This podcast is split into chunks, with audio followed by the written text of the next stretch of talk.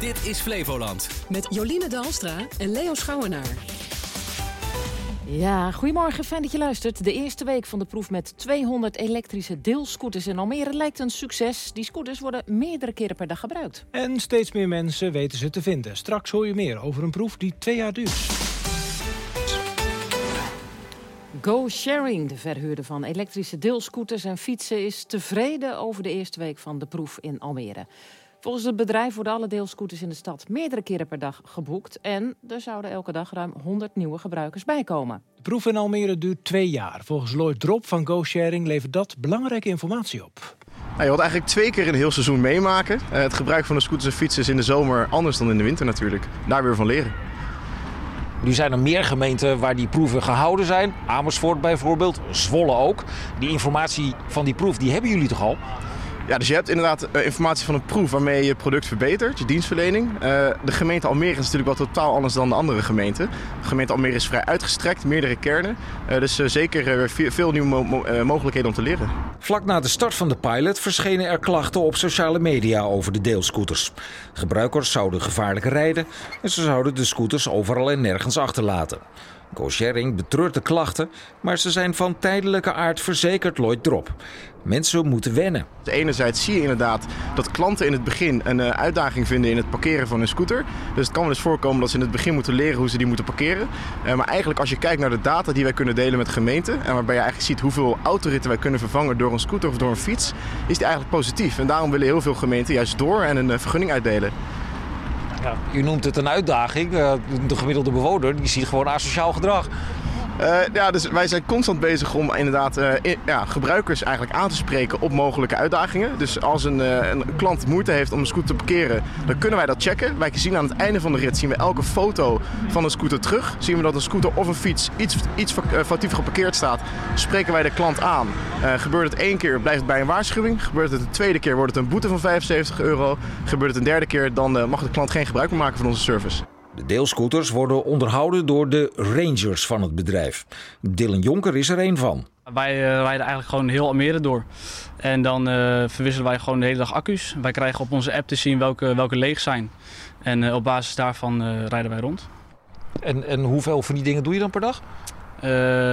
rond de 30. Komt er een melding binnen van een foutparkeerder, dan gaat de ranger er ook op af. Ze staan wel eens overdwars op de stoep, maar dan verplaats je ze en dan is het opgelost. En degene die hem dan daar heeft neergezet, die krijgt een waarschuwing, hè, geloof ik.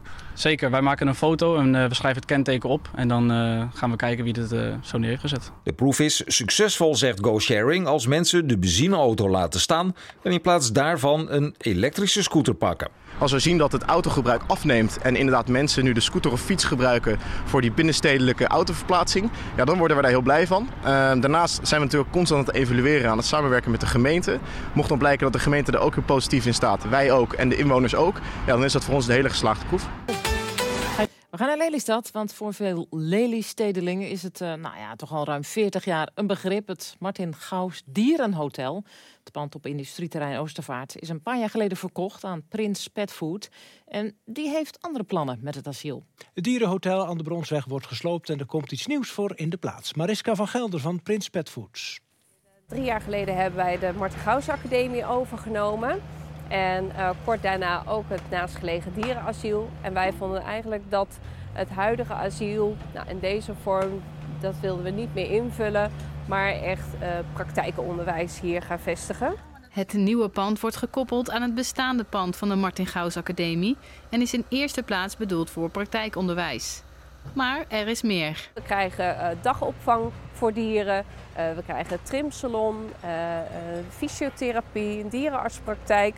Maar alles wel gekoppeld ook aan opleidingen. Dus je kan je voorstellen, je doet een opleiding, daar leer je theorie. Nou, hier willen we vooral uh, de praktijkkant benutten. Zo hebben we bijvoorbeeld voor uh, gedragstherapeuten dat je ook echt uh, naar dieren kan kijken, observeren middels camera-observatie. En dat willen we verwerken in de opleidingen. Dus het is echt praktijkgericht onderwijs wat we hier gaan bieden. En kun je iets vertellen over het gebouw wat hier komt? Ja, nou het huidige gebouw wordt in principe bijna in zijn geheel gesloopt. Uh, er wordt een nieuwbouwstuk aangemaakt en die wordt gekoppeld aan de huidige academie, zodat we straks één mooi groot pand krijgen. In dat nieuwe pand komen verschillende lesruimtes, de dierenopvangen, komen daar. Het buitengebied wordt helemaal aangekleed volgens een, uh, ja, een outdoor terrein voor honden. En je kan je voorstellen dat je hier dan straks een dagje met je hond heen kan voor een uh, leuk dagarrangement om samen met je hond te spelen. Maar het is ook een terrein die wij kunnen gebruiken voor ons onderwijs. Met het sluiten van het Martin Gauws Dierenhotel is er geen asiel of grootschalig dierenpension meer in Lelystad. Asieldieren moeten nu naar een andere locatie worden gebracht, zoals naar Almere. Er is wel één diersoort die op het terrein mag blijven, vertelt de projectleider van de verbouwing, Robert van Gelder. Nou, uh, van de honden en katten hebben we wel inmiddels al afscheid genomen. We hebben wel schildpadden. Van oudsher zijn die schildpadden in de, in de vijver die hier uh, is uh, gedropt. En die schildpadden zijn, zitten er nog steeds. Uh, de vijver krijgt een nieuwe bestemming, er wordt ook een nieuwe vijver. Dus de schildpadden gaan naar uit en we zijn op zoek naar een nieuwe plek binnen het, de locatie waar we dit gaan doen. Dus we krijgen een nieuw plekje waar ze kunnen zonnen en waar mensen ze kunnen bezichtigen ook. Nou, kijk eens aan. Robert van Gelder was dat van Prins Petfood over de sloop van het Martin Gauws Dierenhotel in Lelystad. Ik ben... Schrijft u even mee. Jazzzangeres met drie zetten achter elkaar. Knekkenbreut croutons met allemaal puntjes. Of wat dacht je van Gilles de la Tourette syndroom? Jawel, die woorden kwamen gisteravond langs bij het Emelwerda dicté in Emmeloord. Het was een uh, jubileumeditie. Schrijver Deni Verrips en voorlezer Ben Vinken die stoppen ermee na 25 jaar.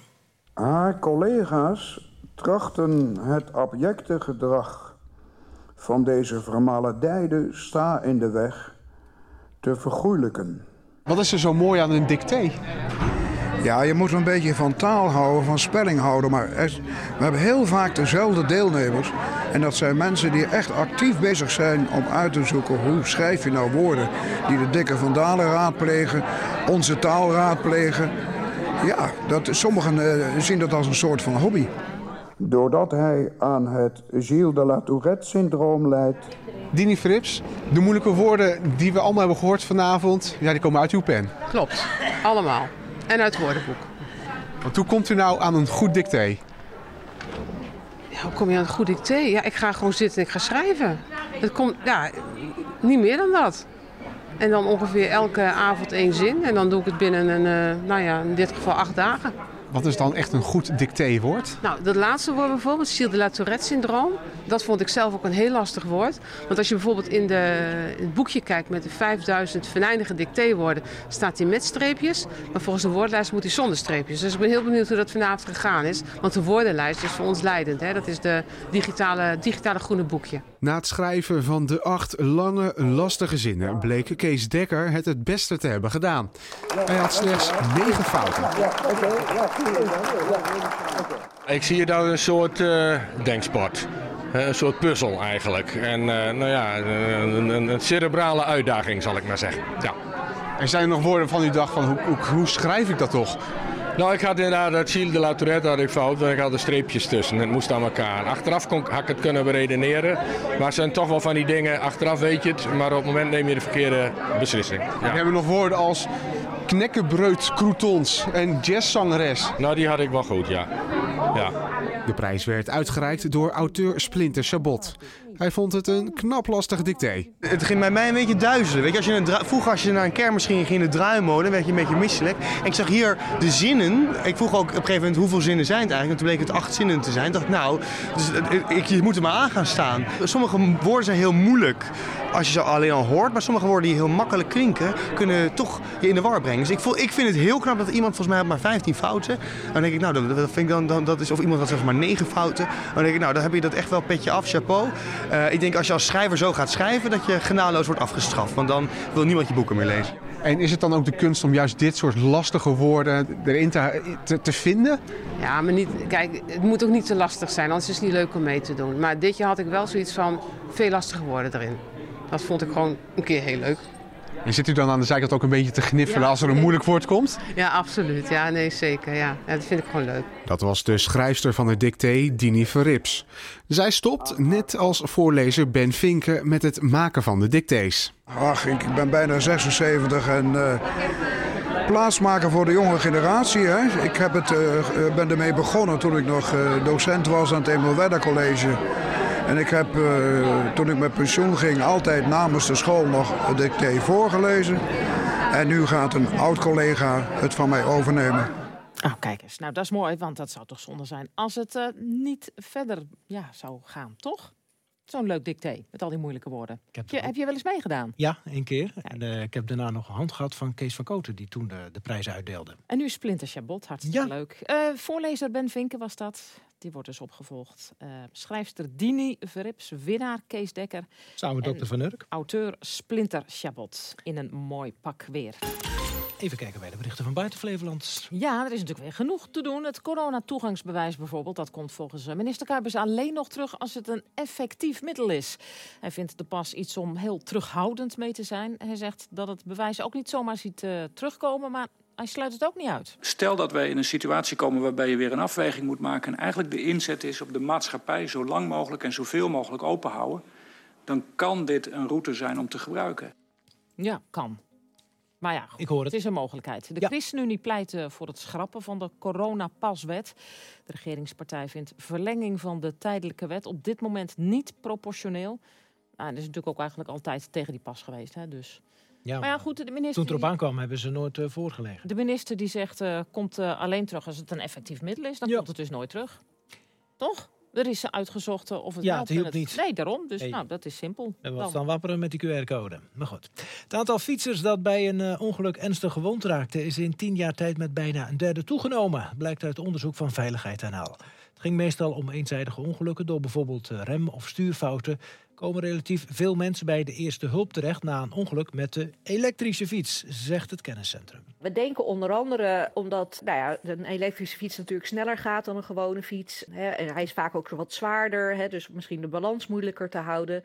Uh, maar we hebben ook eigenlijk meer onderzoek nodig om echt te achterhalen waar die, uh, ja, waar die extra ongelukken nou precies door komen. Bijna de helft van de slachtoffers is ouder dan 55 jaar, maar ook jongeren van 12 tot 17 liepen ernstige verwondingen op. Ja, en een fietshelm opdoen, hè? dat scheelt ook al natuurlijk. Ja, maar elke dag. Over een kleine maand zijn alle opvangplekken voor gevluchte Oekraïners bezet in Nederland. 50.000 plekken zijn dan vergeven. En nog meer opties vinden, ja, dat kan wel eens lastig worden, zegt voorzitter Bruls van het Veiligheidsberaad de grote opgave zal zijn daarna. Hè, na die 50.000, het is al eerder gezegd en ik herhaal het nog maar een keer. Daar zit je echt een grote opgave in. Want nu hebben we de wat makkelijke opvangplaatsen. Die hebben we natuurlijk wel allemaal wel zo uh, gezien. Het is niet reëel om te veronderstellen dat die volgende 10.000 net zo makkelijk gaan als die eerste 10.000. In de opvanglocaties van de overheid verblijven nu bijna 28.000 Oekraïners. Sinds vorige week donderdag kwamen er ruim 3.000 mensen bij op die locaties. In bioscoop Tuschinski in Amsterdam is gisteravond de film over bondscoach Louis van Gaal in première gegaan. De hoofdrolspeler was van tevoren niet zenuwachtig, ook al had hij de documentaire nog niet helemaal gezien. Ik heb wel al uh, drie keer zeg maar, een, een uitgewerkte film van, van mij gezien. En ik heb drie keer mij geen minuut verveeld. Dus ja, dat is toch opmerkelijk, denk ik. Ik, ik vind ook, uh, dat durft niemand te zeggen, maar ik hou van mezelf. het is niet zo dat ik niet van mezelf hou, want anders zou ik ongelukkig zijn. En vooral die laatste zin, van anders zou ik ongelukkig zijn. Ja, dat is wel waar natuurlijk. Even goed om in je oren te knopen. Ja. Voor de rest van je leven. Als je niet blij bent met jezelf, ja. Dan Wie moet er dan niet... beginnen met blij zijn met jou? Ja, toch? Ja, ja, daarom. Dat straal je ook wel uit. Ja. Ik, ik, uh, ga jij hem kijken?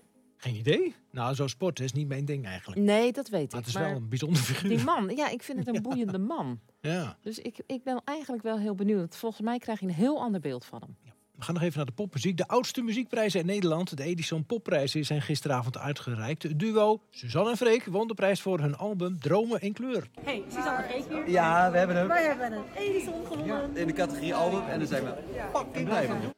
Oh, fucking blij. Ja, dat woord moet tegenwoordig overal voor, hè? Want dan blijkt het, uh, dan is het schijnbaar dat het nog beter is. Of leuker of gezelliger, als je dat woordje ervoor plakt. Er werden nog meer prijzen uitgereikt, hè? maar met je woordjes. Zangeres, Zangeres Maan. Maan Ja. rapper Snel, rapper Snel heeft met een rummer uh, blijven slapen. Oh, dat is zo'n leuk nummer. Blijven slapen. Uh, de, de, beste, de beste single van de Edison. En de prijzen werden uitgereikt in het Aanvas Theater in Leusden.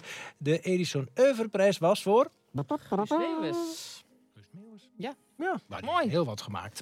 Zouden de vagantjes ook nog wat krijgen? Nou goed, dat waren ze, de berichten van buiten Flevoland.